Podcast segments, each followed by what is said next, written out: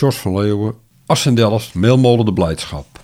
Aan de noordzijde van de communicatieweg, vlak aan de Dorpstraat, stond tot 1907 een reizige meelmolen niet ver van de Sint-Odolfuskerk.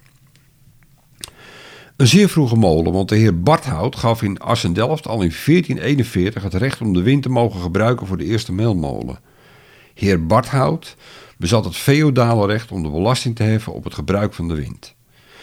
De molen was dan ook een zogenaamde dwang- of banmolen, waar boeren verplicht waren om het graan te laten malen tegen een vastgesteld tarief. Vaak een tiende van de waarde van hun maalgoed. Tussen de molenaar van de molen en de boeren ontstond vaak oneenigheid over de kwaliteit van het geleverde maalgoed of over de overgebleven hoeveelheid.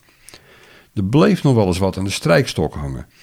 Dat wil zeggen dat de molenaar de te vermalen granen afmat in een schepel, een ronde ijzeren bak die met een ronde stok aan de bovenkant afgestreken werd. Als hij die stok dan optilde tijdens het strijken, bleef er iets extra's voor hem over.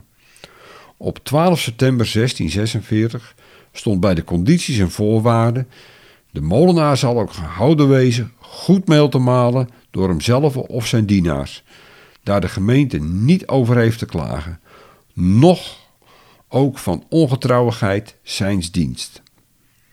Dat malen geschiedde tussen twee ronde maalstenen van lava, afkomstig uit Andernach in de Eifel, Duitsland, die behakt waren met cirkelvormige kerven. Deze stenen lagen ter hoogte van de molenstelling opgesloten in een ronde houten omkleding, waarbij de platliggende ondersteen de ligger op zijn plek bleef, terwijl de bovensteen loper met een flinke snelheid eroverheen maalde. Via een ingenieus systeem van een houten karenbak die boven de houten constructie stond, werd het graan in het middengat van de loper tussen de stenen gedoseerd. Tussen de elkaar net niet rakende kerven werd het graan gemalen en daarna op de lagere zolder via een zeef, de buul, bewerkt om het bloem en de zemelen van elkaar te scheiden. Het graan en het eindproduct werd in zakken getransporteerd door de molenzolders met een hijswerk, het luiwerk, dat met twee dichtvallende luiken elke verdieping afsloot.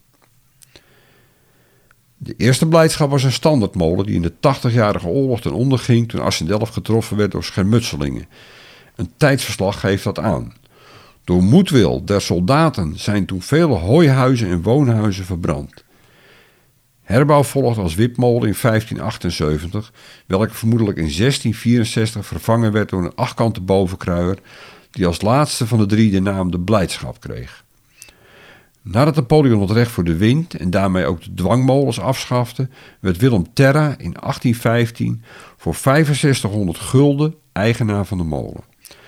De voorouders van Terra kwamen van oorsprong uit de plaats Vreden in Münsterland, Duitsland, en streken rond 1738 als Terrae in Monnikendam neer.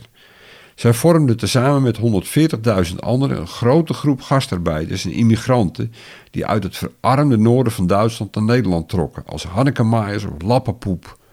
Hun motto was: waar in der heimat bittere nood, in Holland kaaps verdienst ontbrood. De maaiers trokken rond met een zeis op hun rug en verhuurden zich aan de boeren om hun brood te verdienen tijdens het hooiseizoen. Ze overnachten in velden en onder zeiltjes omdat de mannen niet altijd even fris roken, kregen ze als geld naar muf. Later veranderde dat in mof. De lappenpoepen en maskramers venden hun waren uit langs de deuren bij boeren en vestigden zich later, na 1850, vooral in Leeuwarden en Sneek. Zij zetten een trend met de eerste warenhuizen van ons land en deden daar zeer goede zaken met onder andere confectiekleding. Menig naam zal u bekend in de oren klinken, zoals Brenningmeijer, CNA, Sinkel, Vrome Dreesman, Lampen, Vos enzovoort. De terras vinden we vooral in Assendelft, Akersloot, Krommenie en Uitgeest als bakkers en molenaars. In Assendelft werd bij de molen nog drukker toen de communicatieweg in 1849 aangelegd werd. De weg werd aangelegd via een oude dijk, de Dwarsdijk, en er ontstond de verbinding van Wessaan via Assendelft naar Heemskerk en verder via Beverwijk, Velsen, de Breezaap, Halfweg en dan door naar Amsterdam. De weg was een particulier initiatief van de gebroers Cornelis en Jacob Avis, blauwselfabrikanten te Wessaan, ondersteund door de Kamer van Koophandel. Tweederde van het bedrag kwam bijeen via obligatieleningen door Zaanse kooplieden en fabrikanten. De kosten bedroegen ruim 125.000 gulden. Voor dat bedrag bestond de verharding alleen nog maar uit een laag schelpen. Deze weg was speciaal aangelegd om de zakenlieden bij slecht weer of strenge vorst toch uit de Zaanstreek naar de Amsterdamse beurs te kunnen laten reizen om grondstoffen en eindproducten voor hun bedrijf te verhandelen. Bij moeilijke weersomstandigheden was het vaak niet mogelijk om per zeilschip de reis over het IJ in het Wijkermeer te maken. Via de duinen, de toen nog ongerepte Breezaap, was de weg van Zaandam naar Amsterdam per rijtuig wel af te leggen. Voor Terra betekende het ook dat zijn molen belangrijk kruispunt in Assendelft had. Vele generaties brachten de molen via het vangtouw in bedrijf om meel te malen. Het keerpunt kwam in 1907 toen een houten roet de wiek afbrak. Het loonde niet meer om de bol te repareren. Andere energiebronnen maalden vlugger en goedkoper. Na een periode, periode van zwaar verval liet Piterra de molen in januari 1907 afbreken. Het oude molenaarshuis bleef nog wel staan en werd vlak voor de sloper zou komen in 2008 gered door Frans Wietema en Bart Nieuwenhuis. Het herrees in 2015 in bouwkundige staat van 1660 op de Smidslaan tussen dijk, vlak bij de andere meelmolen de Bleke Dood. Zo is het molenaarshuis toch weer enigszins met de meelmolen herenigd.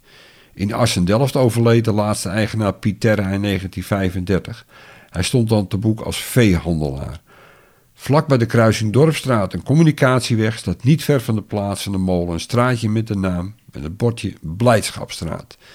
Daar word ik nou heel erg blij van.